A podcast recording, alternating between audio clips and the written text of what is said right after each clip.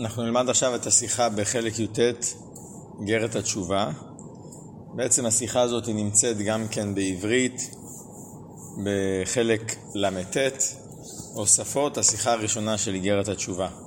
אנחנו נלמד את זה מלשון הקודש, או שהודפס בחלק ל"ט.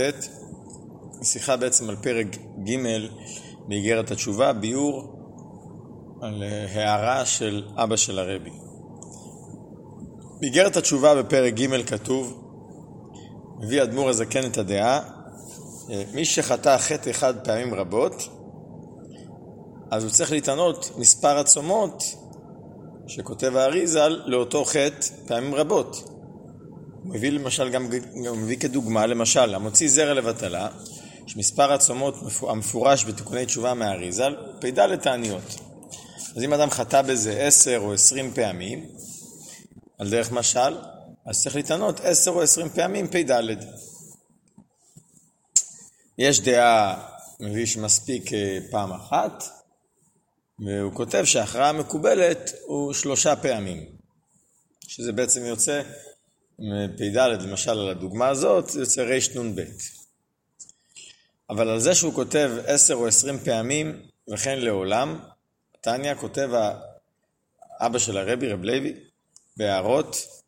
בהערות האמור מבאר למה הוא תפס את הדוגמה של עשר או עשרים פעמים. אז הוא כותב כך: כי בהוצאת זרע לבטלה הפגם הוא במוח, כמו שכתוב לקמן בפרק ט', שמוציא זרע לבטלה בעצם זה פגם במוח, היינו בחוכמה.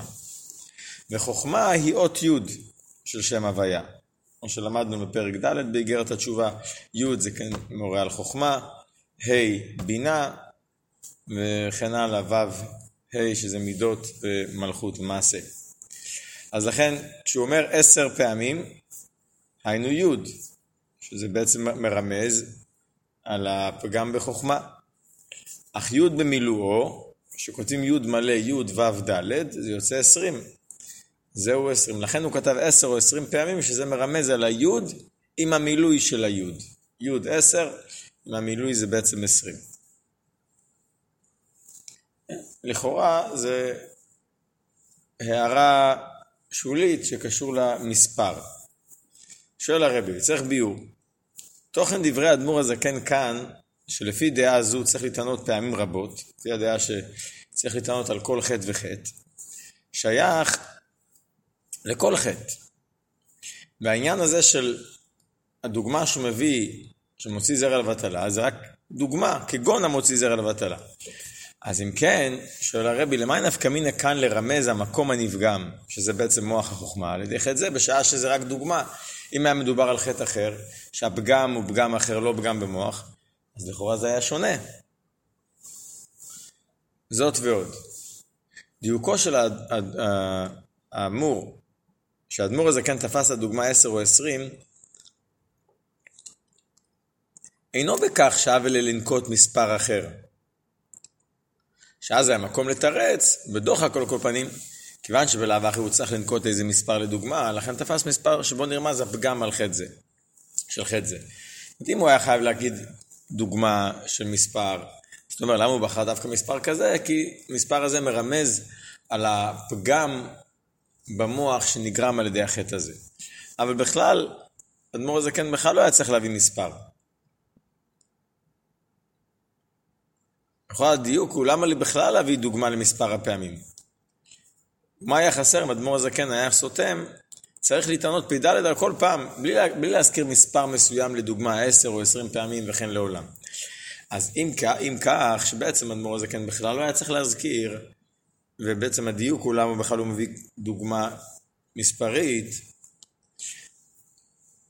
מכיוון שכך שואל הרבי תמוה, מדוע מוסיף אדמו"ר הזקן דוגמה למספר הפעמים שחטא, שמצד עצמה היא מיותרת אך ורק לרמז מקומו של הפגם של חטא זה שהוא הביא לדוגמה. יוצא בעצם שלפי הביאור של האבא של הרבי, שכל הסיבה שאדמו"ר הזקן נוקט דוגמה מספרית, הוא כדי לרמז איפה הפגם של החטא הזה של מוציא זרע לבטלה. אם זה מיותר, זה מיותר. מוזר, זה קשה לומר שמביאים מספר שלא אמור להיכתב רק כדי לרמז איפה הפגם איפה נגרם הפגם של החטא של מוציא זרע לבטלה. אז זה בעצם שתי דיוקים בינתיים שיש לנו פה, ושואל הרבי בעצם עוד דיוק. על דרך הדיוק שהבאנו קודם, למה הביא אדמו"ר הזקן דוגמה למספר הפעמים שחטא שבכלל לא היה צריך להביא כלום. יש דיוק יותר כללי לדברי אדמו"ר הזקן כאן. ולכאורה על זה אין התייחסות, גם לא בהערה של אבא של הרבי. למה בכלל הוא צריך להביא בכלל דוגמה מחטא מסוים? מה הוא רוצה להגיד? מי שחטא חטא אחד פעמים רבות, אז יש דעה שהוא צריך לצום מספר צומות לאותו חטא כפי מספר הפעמים שהוא חטא. אז היה, העניין הזה היה דוג, ברור גם בלי דוגמה מחטא מסוים. למה בכלל הוא מוסיף דוגמה מכגון המוציא זרע לבטלה? זאת אומרת, כל הדיוק של אבא של הרבי זה למה עשר או עשרים פעמים, ועל זה הוא אומר שזה אה, מתאים למקום הפגם של החטא במוח. אבל אם בכלל לא צריך להביא דוגמה, אז הכל פה מיותר. גם הדוגמה וגם מספר הפעמים שעל ידי זה הוא מרמז איפה הפגם, גם זה מיותר. גם צריך להבין, הוספת אדמו"ר הזקן לאחרי כותבו חטא בזה עשר או עשרים פעמים, בדרך משל צריך להתענות עשר או עשרים פעמים פ"ד, וכן לעולם. מה זה לעולם? שאם הוא חטא יותר מ-20 פעמים, אז צריך להתענות פ"ד יותר פעמים. לכאורה, מהי כמה שמלן? אם אתה אומר שלפי הדעה הזאת צריך להתענות על כל חטא וחטא, אתה מביא כגון עשר או עשרים פעמים חטא, אתה צריך להתענות עשר או עשרים פעמים פ"ד, אני מבין שגם אם זה יהיה שלושים וארבעים, זה גם יהיה אותו דבר. למה בכלל צריך להגיד וכן לעולם? מהי כמה שמלן? מה החידוש בזה? למה תסק הדייט, למה שיהיה לנו מחשבה שזה שצריך להתענות כפי מספר, מספר אשר חטא הוא רק עד עשרים פעמים. ואת זה האדמו"ר הזקן כביכול שולל בזה שהוא כותב וכן לעולם.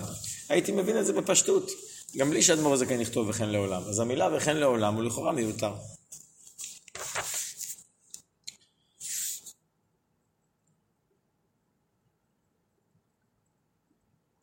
אז יש לנו פה כמה שאלות.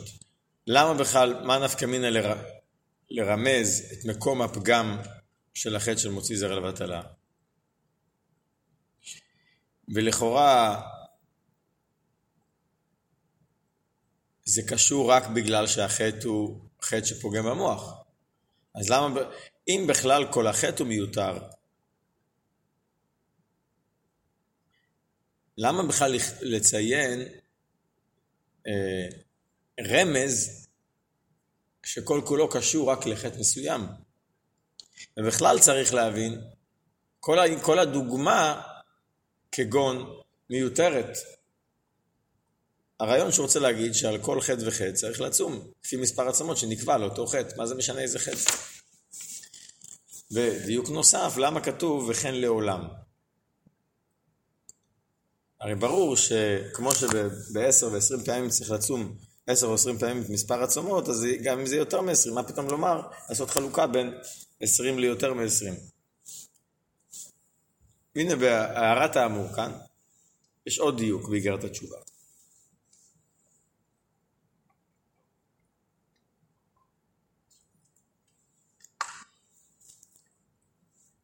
לכמה, בהמשך הפרק כתב אדמו"ר הזקן, כל בעל נפש יחמיר על עצמו, להשלים על כל פנים פעם אחת בכל ימי חייו מספר הצומות לכל עוון ועוון, מהעוונות החמורים שחייבים עליהם איתה על כל פנים, אפילו בידי שמיים בלבד.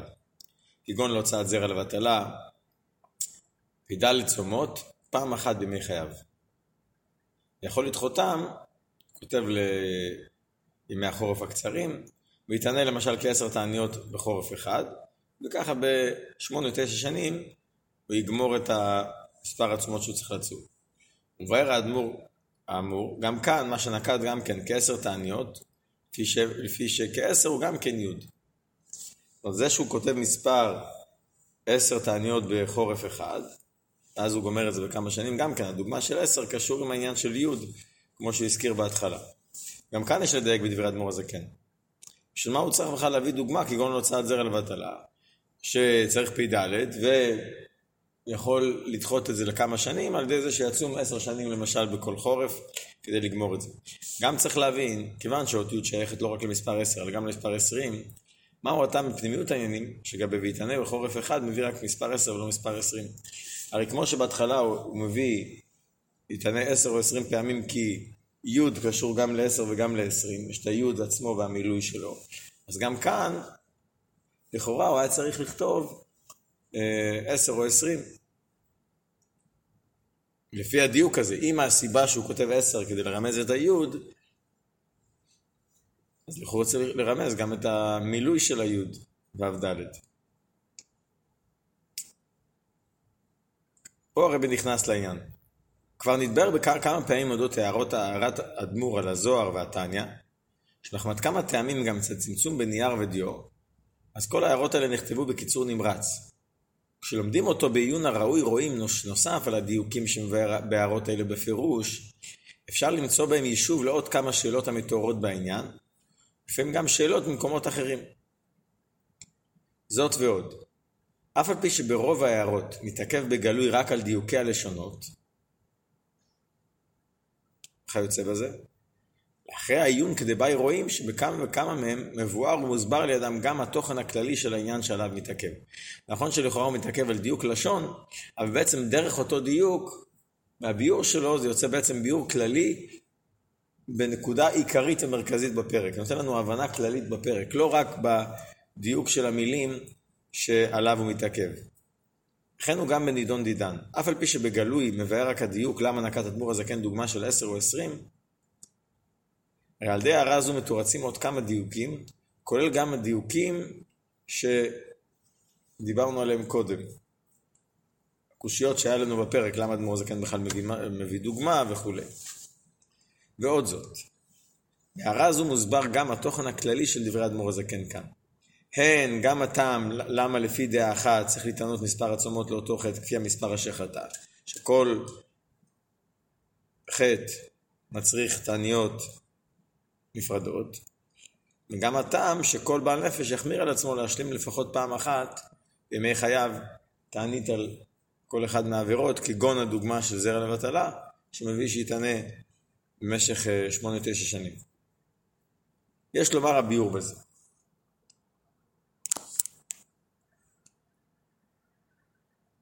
פה בסעיפי הרבי נכנס לביאור העניין. בהפגם הנגרם על ידי חטא, ממילא גם בתיקון הפגם על ידי תשובה, יש בכללות שלושה עניינים. בעצם השלושה עניינים האלה זה שלושה עניינים שקיימים בכל חטא וחטא. דבר הראשון, מה שאדם על ידי החטא הוא פורק ממנו עול מלכות שמיים.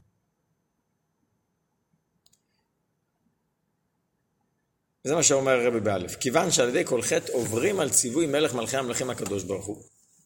שזוהי בעצם הנקודה הכללית והצד השווה שבכל האווירות. הרי על ידי כל אווירה, כולל ביטול מצוות עשה, יוצא שאדם פורק מעליו עול מלכות שמיים והווה רשע. ולכן לכאורה התיקון לפגם הזה, הוא כמו שכותב בתניא באיגרת התשובה בהתחלה, שיעזוב החותך אתו ויגמור בליבו שלא יעשהו עוד. לא רק שלא יעשהו עוד, כותב ולא יעבור עוד על, מצ... על מצוות המלך, הן ממצוות עשה והן ממצוות לא תעשה. זאת אומרת שקבלת עול מלכות שמיים צריך להיות קבלת עול כללית בכל המצוות, לא רק להחליט שאני לא אעבור עוד פעם על אותה אווירה. למה? כי ברגע שפגמתי, שעשיתי אווירה, זאת אומרת, פגמתי בעול מלכות שמיים, בקבלת עול מלכות שמיים שלי, אז התיקון הוא לחזק את הקבלת עול מלכות שמיים. ואם יש מצוות מסוימות שאני לא מקפיד עליהן, אז הקבלת עול מלכות שמיים שלי היא לא בשלמות.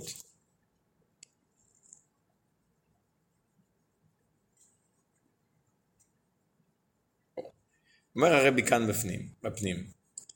התיקון הזה, על הזה של פריקת עול מלכות שמיים, שיעזוב החותך את טוב ויגמור בבול שלא יעשה עוד, שלא יעבור עוד, לא ישוב עוד לכסלה, שלא ימרוד מלכותו יתברך ולא יעבור עוד מצוות המלך.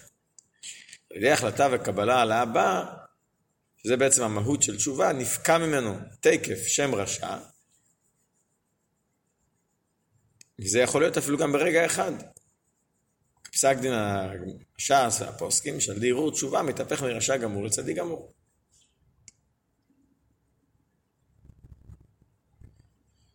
זאת אומרת, יש פה פגם כללי שאני פוגם בקבלת עול מלכות שמיים, והתיקון הוא תיקון כללי שאני מחזק את הקבלת עול מלכות שמיים על ידי זה שאני גומר בליבי שאני לא אעשה עוד את האווירה, ולא רק, לא רק זה, אלא שלא יעבור עוד על מצוות המלך. זה התשובה. החטא הוא פריקת עול מלכות שמיים, והתשובה הוא קבלת עול מלכות שמיים. זה יכול להיות ברגע אחד, בשייט חודו ורגע חודו, אדם נהפך להיות בעל תשובה בעניין הזה. זה העניין הראשון. העניין השני, כל מצווה קשורה לעבר פרטי. כתוב תרי"ג מצוות, אה, הם כנגד אה, רמ"ח איברים ושסה גידים, אז יש רמ"ח, רמ"ח איברים דמלכה. ממילא, כשאדם עושה עבירה, או שהוא לא עושה מצווה, הוא פוגם הן באחד מהאיברים דמלכה, וגם בנפש האדם. בעבר, בפרט בעבר הפרטי שקשור לאותו מצווה. ולכן התיקון שצריך להיות הוא תיקון פרטי שקשור לאותו אווירה. כי זו אווירה שפוגמת בעבר מסוים. זה הרב אומר העניין השני. כיוון שהתמימות והשלמות של איברי הנפש תלויה במצוות, הרי על ידי ביטול מצוות תעשה או אווירה על מצוות לא תעשה, נעשה פגם וחיסרון בעבר הפרטי השייך למצווה הפרטית הזאת. ובכדי לתקן את הפגם הפרטי צריך האדם לעשות תיקוני תשובה השייכים דווקא לאווירה הפרטית זו, כולל גם מספר עצומות שנקבע לאווירה זו. זה העניין השני. אחר כך אומר הרבי, בעצם כל פגם פרטי, שלכאורה הוא פוגם בעבר פרטי, בעצם זה משפיע גם על כל שאר האיברים. מי שעבר אחד פגום או מקולקל, יש לזה השפעה כללית על כל שאר האיברים. ממילא מובן שגם התיקון צריך לעשות גם כן תיקון שקשור גם עם שאר האיברים. ג' היות וקלקול בעבר פרטי גורם גם קלקול זה בכל איברי האדם, נמצא שעל ידי כל עבירה נעשה פגם בכל הכוחות והאיברים של האדם, מכל שכן מאז שמצינו שכל פעולה משפיעה גם בכללות העולם שמחוץ לאדם. אם אדם עושה פעולה זה יכול להשפיע על כללות האוויר ועניינים שמחוץ לאדם, בטח שזה משפיע על כל איברי האדם. ולכן אם אדם רוצה לתקן, לעשות תשובה, על הפגם שנגרם בכל האיברים כתוצאה מהעבר הפרטי הזה הפגום על ידי אווירה פרטית. אז מה דרכי התשובה? לא רק שאדם מתרחק מהדבר שהוא חטא וגם אה, אה, או כדי לתקן את אותו עבר פרטי, אלא צריך גם, כמו, של, כמו שהרמב"ם כותב, מדרכי התשובה מתרחק מן הדבר שחטא, וגם משנה מעשיו כולם לטובה ולדרך הישירה. הוא צריך ל, ל, לפעול איזשהו שינוי כללי בכל מעשיו, לא רק בעניין הפרטי הספציפי הזה שבו הוא חטא. אז מה, לסיכום יוצא פה שיש פה שלוש עניינים.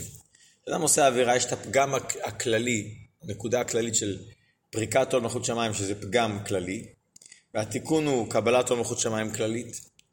יש פגם שנגרם בעבר פרטי, כי כל מצווה קשורה עם אחד האיברים, והתיקון הוא צומות שקשורות לאותו אה, חטא, או דברים אחרים, תיקונים אחרים שקשורים לחטא הספציפי, וכיוון שכל פגם, גם פגם פרטי, גורם משפיע בכללות האיברים, לכן צריך גם כן איזשהו שינוי, משנה מעשיו כולם לטובה, איזושהי פעולה שמשפיעה על כללות האיברים.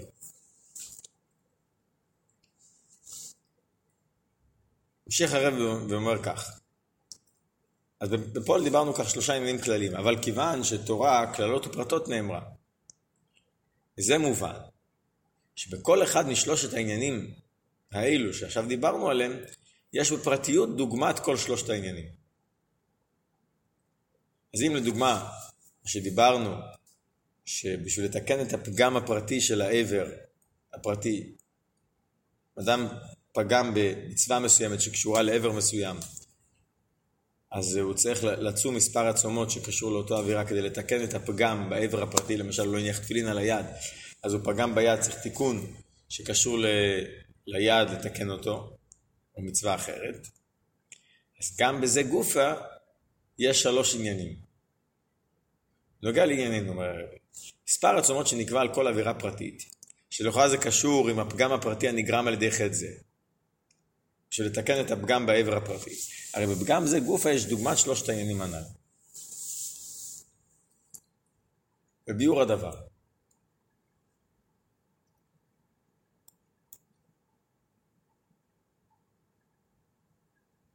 כיוון שכל איברי הגוף כלולים זה מזה, הרי נמצא שבכל איבר יש ג' עניינים. יש את עצם מהותו,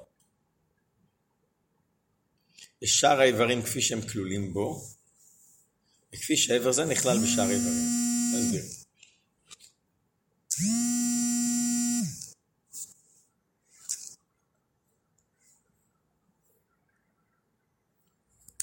יש מה ש... פגמת בעבר, יש את העבר עצמו.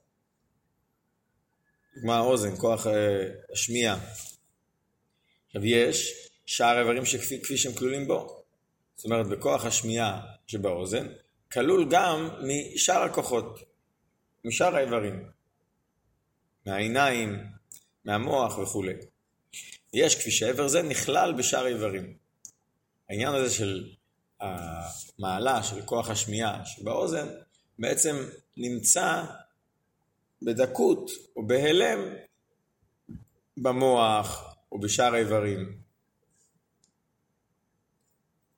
אז ממילא כשאדם פוגם בעבר פרטי, פוגם בעיניים, למשל כוח הראייה שבעיניים, אז הוא לא רק פגם בעיניים, הוא פגם הן בעיניים, הן בכל האיברים, כי בכוח הראייה שבעין יש פה משהו שקשור עם שאר הכוחות והאיברים. ויש מה שהעין וכוח הראייה נמצאים גם כן באיברים אחרים. במילא הוא פגם גם בשאר האיברים.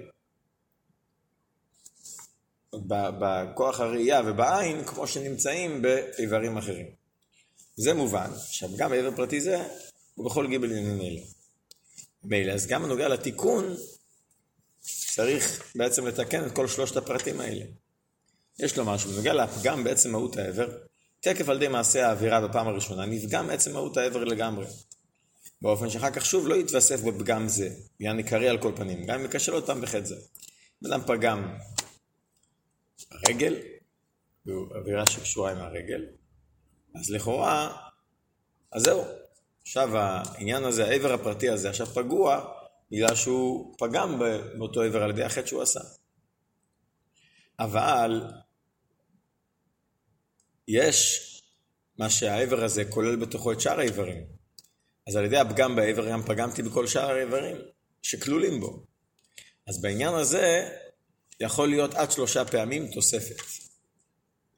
הפגם בפרטי העבר, היינו באיברים הכלולים בו, זה נגמר רק בעשיית החטא בפעם השלישית. כמו שאדמו"ר זקן מביא מהזוהר, זימנה תליטה, התפשט האוקיתמה מסיטר דה לסיטר דה, הפעם השלישית מתפשט הכתם מקצה לקצה. שבפעם השלישית חודר הכתם בכל פרטי העבר, היינו גם, ב, גם באיברים אחרים כמו שהם כלולים באותו עבר. אחר כך יש עוד נקודה, מה שהעבר הזה נכלל בשאר האיברים. נוגע לפגם הנגרם בשאר איברי הגוף. בעבר הזה, כמו שהוא כלול בשאר איברים, מסתבר לומר שבכל פעם שעושה חטא זה, של, של אותו עבר, אז הוא מוסיף בפגם בעבר הזה כמו שהוא נמצא בשאר האיברים. כי מאחר שלא עבר על עבירות השייכות לאיברים אלו, לא שייך שפגם זה יתפשט מסיר תודה לסיר תודה, זה רק יכול להיות עוד קצת ועוד קצת ועוד קצת. לדוגמה, דיברנו על כוח הראייה. כוח הראייה שבעין, כמו שהוא נמצא בשאר האיברים, אז כל פעם שאני פוגם באותו חטא, ובעצם אני פוגם בכוח הראייה כמו שנמצא בשאר איברים, אז נפגם עוד ועוד ועוד. כי בכל זאת, העניין הזה, העבר הזה, כמו שהוא נמצא בשאר איברים, הוא עניין שולי, עניין צדדי, זה, לא, זה לא העניין העיקרי של אותו, של האיברים האחרים. לכן יכול להיות בזה תוספת עוד ועוד ועוד. אם היה פוגם בעצם מהות האיבר, אז זהו, אחרי פעם אחת, נפגם. אבל כאן תמיד הוא יכול להוסיף עוד ועוד. זה על פי זה שאנחנו מבינים שיש שלוש פרטים שהוא גורם על ידי הפגם מהעבירות. מובן גם ג' הדעות שאדמו"ר הזה כן מביא בפרק ג' לגבי מי שחטא חטא אחד פעמים רבות, כמה הוא צריך להתענות. שלוש דעות ושלושתם דעות אמיתיות. א', דעה אחת אומרת כפי מספר הפעמים אשר חטא, חטא עשר, עשרים וכולי. או די לשנות מספר, מספר עצומות פעם אחת, פעם אחת לאותו חטא, אפילו שהוא חטא בזה חמש, שש פעמים, מספיק שיצום פעם אחת מספר עצומות הנדרש לאותו חטא. ודעה שלישית, הכרעה מקובלת לטעון שלוש פעמים, כמו מספר עצומות לחטא זה. אומר בשביל תיקון הפגם שבעצם מהות העבר מספיק פעם, מספר עצומות פעם אחת. בשביל תיקון הפגם שבשאר האיברים צריך לטענות על כל פעם ופעם. אבל בשביל תיקון הפגם באיברים כמו שהם כלולים באיבר הזה,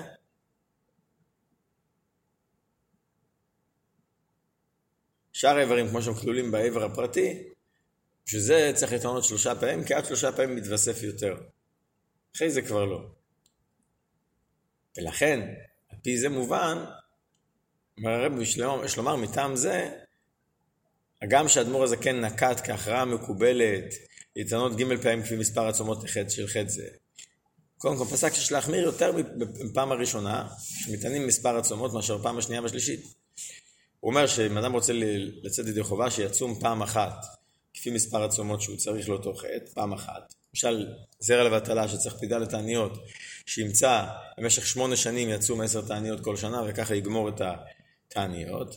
ואם הוא רוצה לצום שלושה פעמים, אז בשביל הפעמיים הנוספות, יצום אה, שני חצאי ימים, שזה ייחשב לו גם כן כתענית. אבל על הפעם הראשונה הוא לא מביא כזה אפשרות. צריך להיות תענית שלמה. כי הפגם שבעצם מהות העבר, שזה על ידי מספר עצומות פעם אחת, הוא פגם חמור יותר מהפגם באיברים הכלולים בו. כשאני פוגם בעצם העבר, בעצם כוח הראייה למשל, זה הרבה יותר חמור מכמו שאני פוגם בשאר האיברים, כמו שנמצאים וכלולים בהלם בעין. ולכן על זה יותר חשוב להתענות פעם אחת מושלמת, והשתי הפעמים הנוספות זה יכול להיות אפילו חצאי ימים. אומר הרבי, יש לומר, זהו גם אחד הטעמים שאדמו"ר הזקן מוסיף הדוגמה, כשהוא מביא את הדעה שצריך להתענות לפי מספר אשר חטא, הוא מביא כגון המוציא זרע לבטלה. למה הוא מביא דווקא את הדוגמה הזאת? בנוגע לשכבת זרע כותב הרמב"ם, כל שתצא ביותר הגוף קלה וכוחו קלה. חייו עובדים. זה מובן. שבחטא הוצאת זרע לבטלה, רואים פה בגלוי כיצד חטא, החטא הזה פועל גם בשאר איברי הגוף. למה? ככל שתצא, כמו שהוא כותב, כוחו קלה, חייו עובדים, הגוף קלה, כוחו קלה, השפעה כללית. וגם, אני רואה איך שבכל פעם מתווסף יותר בפגם. ככל שתצא יותר, הגוף קלה, כוחו קלה. לכן מוסיף אדמו"ר הזקן כגון המוציא זרע לבטלה. כי בדוגמה זו מוסבר הטעם של דעה זו. כי האדמו"ר הזה כאן עכשיו בא להסביר למה צריך לטענות מספר עצומות על כל פעם ופעם שחטא, אז בדוגמה הזאת היא הרבה יותר בולט העניין, למה? כיוון שאני רואה הרבה יותר את העניין שמתווסף כל פעם ופעם שאדם חוטא בחטא הזה, אז הרבה יותר מובן למה צריך לטענות על, כל, על כפי מספר עצומות אשר חטא. עכשיו, ברמב"ם כתוב שם, בנוגע לחטא הזה, כותב, לפני שהוא כותב כל שתצא ביותר הגוף קלה, הוא כותב שכבת הזרע היא כוח הגוף וחייו. זאת אומרת, זה שזה פועל על כל הגוף, זה תוצאה ומסובב מזה שהוא כוח הגוף, הוא בעצם הכוח של הגוף. לכן מזה יכול להיווצר מציאות חדשה, כאילו הכוח של, ה, של האבא נמשך בבן, ברק הר דאבוה, יש לומר שזה ששכבת זרע היא כוח הגוף. אינו עצם מהותה, רק עניין נוסף בה. בעצם מהותה הוא טיפה שלמעלה מציור. זאת אומרת, יש פה כמה עניינים. יש מה שזה עצם המהות, יש מה שזה כוח הגוף, יש מה שהוא אומר, ככל שתצא יותר, אז אה, הגוף קלה, כוחו קלה וחייו עובדים.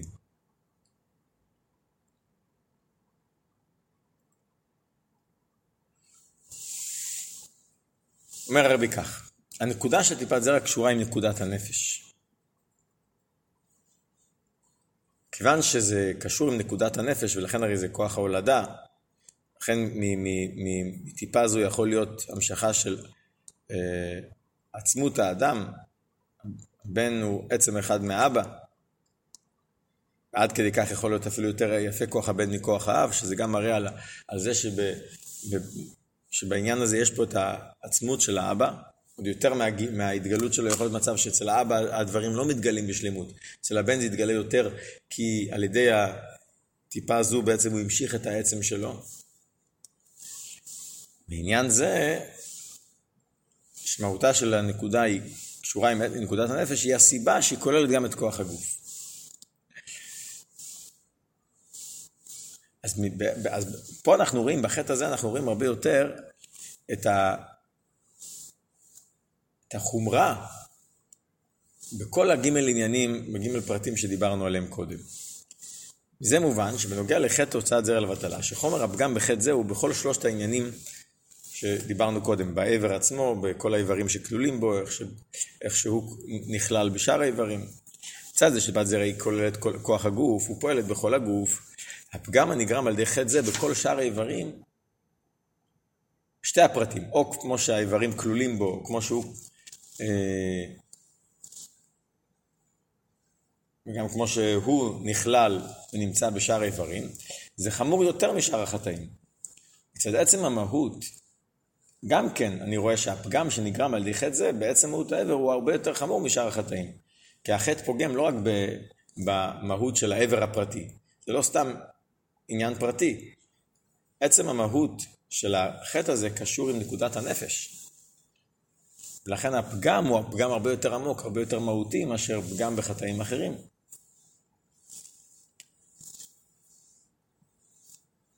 כיוון שהאדמו"ר הזה כן רוצה בעצם להגיע להכרעה מקובלת, לדבר על אה, למה בכלל צריך הכרעה, כי יש, יש, אה, כי יש בעצם שלוש פרטים שבהם נגרם פגם, אז איפה אני רואה את זה? בדוגמה הזאת זה הרבה יותר בולט. אני רואה, החטא הזה פוגע בנקודת הנפש, עניין כללי. החטא הזה פוגע בשאר האיברים, כוח הגוף, שהם כלולים בו, וגם כוחו קלה וחייו עובדים, יש פה, יש פה גם פעולה על שאר האיברים בצורה גלויה יותר, לא רק כמו שכל האיברים כלולים בו, אלא גם כן שהוא, בזה שהוא כוח הגוף, אלא גם כן בזה שזה משפיע, שהוא מחליש גם את כל שאר האיברים. אז על פי זה נוכל להבין את הנקודה הכללית, למה האדמו"ר הזקן הביא את הדוגמה הזאת, ולא סתם הביא את הדוגמה הזאת, למה הוא גם כותב כגון עשר או עשרים פעמים וכן לעולם, ואיך לראות שבהערה הזאת של אבא של הרבה בעצם הכל מרומז. פי זה יש לבאר גם הטעם שהאדמו"ר הזקן מביא הדוגמה הוצאת זרע לבטל ג' פעמים בפרק זה. גם לגבי הדעה שצריך להתענות כפי מספר החטאים, מספר החטאים אשר חטא, מוסיף כגון המוציא זרע לבטלה. נוגע להכרעה המקובלת, להתענות ג' פעמים הוא גם כותב, היינו רנ"ב צומות על הוצאת זרע לבטלה, וגם שהוא כותב בסוף שכל בעל נפש יחמיר על עצמו להשלים לפחות פעם אחת בימי חייו אה, את הצומות שצריך לאותו חטא, הוא כותב כגון להוצאת זרע לבטלה, פ"ד צומות פעם אחת. למה הוא מזכיר את זה שלוש פעמים? טעם שצריך להתענות כפי המספר אשר חטא מצד הפגם הנגרם על ידי חטא, זה בשאר האיברים כפי שהם במקומם. כמו שאמרנו, שעל ידי זה מתווסף כל פעם עוד ועוד ועוד. ובחטא הזה אני רואה את זה הרבה יותר בולט. הטעם להתענות ג' פעמים כדי לתקן את הפגם באיברים, אבל כמו שהם כלולים באותו איבר, ששייך לאותו חטא. זאת אומרת, כל האיברים איך שהם כלולים באותו איבר.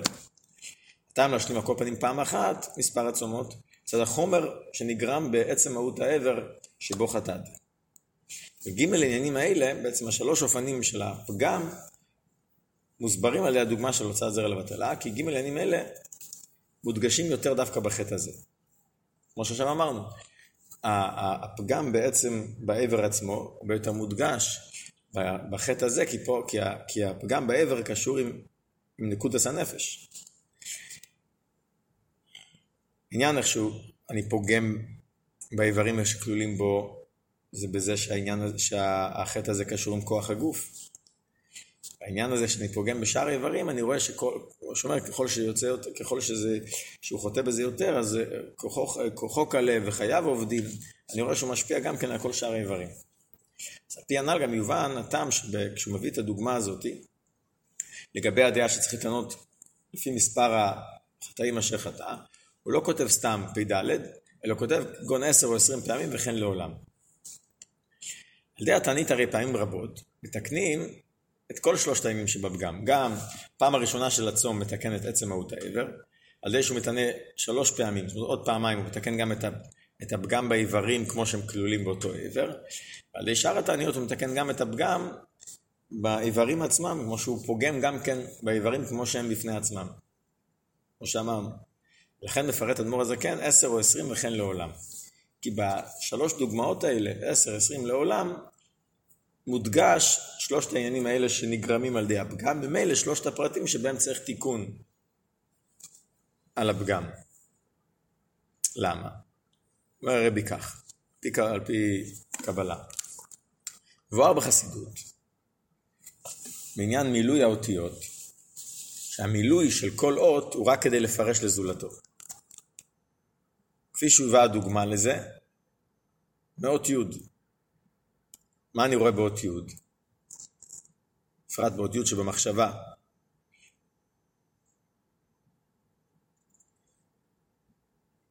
כשאני חושב על אות י', אני חושב עליו עם, עם י', י' אחת, רק הי' עצמו. כשאני רוצה לדבר את האות י', אז אני צריך להוסיף גם את הו' ד', אני אומר י', י' ו'. זאת אומרת, כשאני מגלה את זה לזולת, שזה עניין של דיבור, מתווסף גם המילוי. כשהיוד היא לעצמי, כשאני חושב על היוד, אני יכול לחשוב כביכול בלי התוספת של ו' ד', אבל כשאני מדבר את האות יוד, אני חייב גם להשתמש עם המילוי. זאת אומרת, מצד אחד המילוי הוא חלק מהיוד,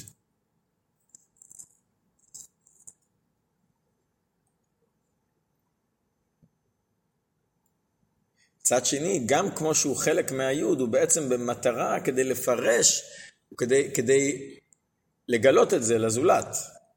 זאת אומרת, זה גם מבחינה רוחנית, כמו שהוו ד' הוא בעצם הוא, הוא, הוא שימוש, אותיות שימוש כדי לדבר את האותיות, כשאני רוצה להגיד י', א', וכולי, אז, אז גם בתוכן, המילוי מבטא התגלות, גילוי, הערה, יש את עצם האות, שזה היוד עצמו, והערה של האות, ההתגלות של האות, שזה הוו ד'.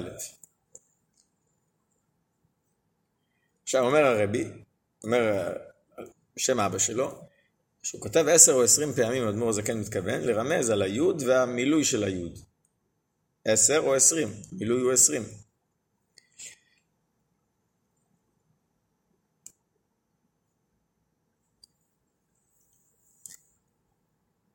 כי בזה אני מרמז שבעצם בחטא יש פה גם פגם בעצם המהות של האיבר, ויש גם פגם בכל שאר האיברים. ומצד הפגם בכל שאר האיברים, אז מתווסף כל פעם שאדם חוטא עוד ועוד ועוד, וזו הסיבה גם לצום אה, כפי מספר החטאים אשר חטא.